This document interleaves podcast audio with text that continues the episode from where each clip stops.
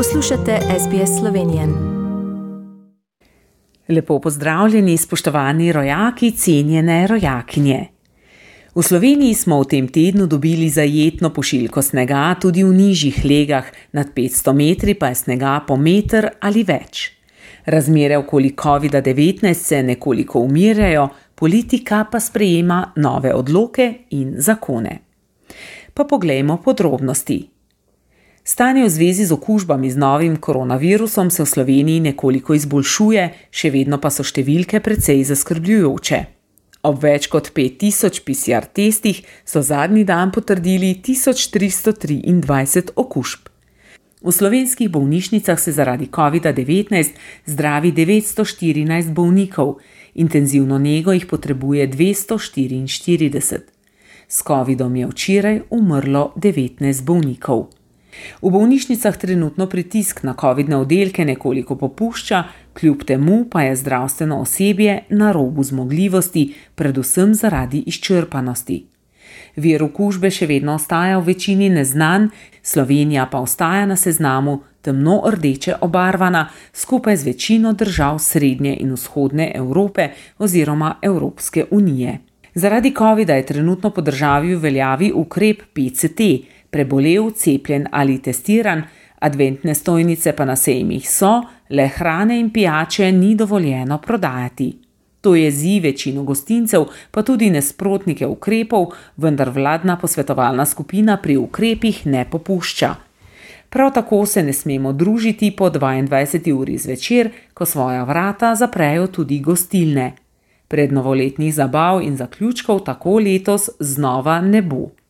Odprta pa so smočišča pod že prej navedenimi pogoji, hkrati je vlada podaljšala veljavnost turističnih bonov, tako lanskih kot letošnjih, da jih bo porabilo čim več ljudi.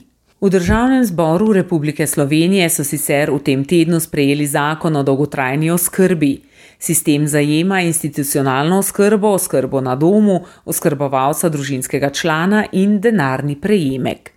Vse oblike oskrbe, razen institucionalne, sta vključeni pravica do storitev za okrepitev in ohranjanje samostojnosti ter e-oskrba.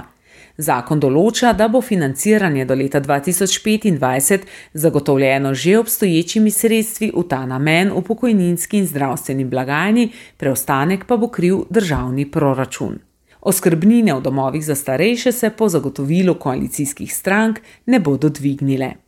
Vlada se je sicer včeraj mudila na obisku Gorenske, ki ga je začela z delovnim posvetom v Goreni vasi. Po posvetu so se člani vlade razkropili po regiji in se srečali s predstavniki podjetij, občin, šol in drugih institucij. Zvečer je bila v crkljah na Gorenskem javna tribuna župani in gospodarstveniki. Predsednik republike Borod Pahor pa je ob dnevu človekovih pravic v predsedniški palači sprejel varuha človekovih pravic Petra Svetino, ki je dejal, da verjame, da bomo iz epidemije išli močnejši in človekove pravice dvignili na višjo raven. Pahor je v izjavi po srečanju poudaril, da je vse demokratični svet utemeljen na svobodi, celotna kompozicija našega življenja pa je zgrajena na predpostavki številnih svoboščin. Razumemo tudi, da svobode niso absolutne, predvsem pa, da so omejene svobodami in pravicami drugih.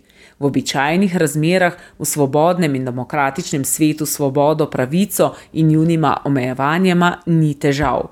S tem znamo normalno živeti, je še dejal. Urad vlade Republike Slovenije za slovence v zamestju in po svetu pa je objavil javni razpis za finančno podporo slovencem po svetu. Namen javnega razpisa za razpisno področje v letu 2022 je spodbujanje dejavnosti slovencev, ki živijo po svetu in njihovo povezovanje z Republiko Slovenijo. Po svetu živi kar pol milijona slovencev in njihovih potomcev. V podjetju Slovenski državni gozdovi pa so v začetku tega tedna odprli ponudbe prve licitacije vrednejših gozdnih sortimentov.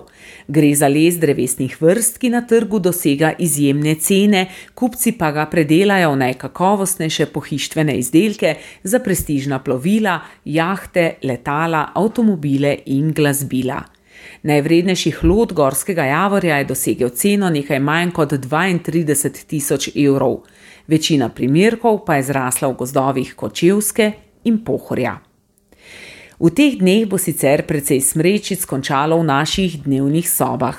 Praznične okrasitve mest so že na voljo za ogled v vsem svojem sijaju, praznično vzdušje pa si bomo v prihodnjih dneh pričarali tudi po domovih s peko piškotov in krašenjem drevesc. Tudi vsem vam voščim doživeto pričakovanje praznikov. Vse dobro in lepo. Za vas sem danes dogodke preteklega tedna iz Slovenije povzela Katarina Valentar. Všečkaj, deli, komentiraj. Spremljaj SBS Slovenijo na Facebooku.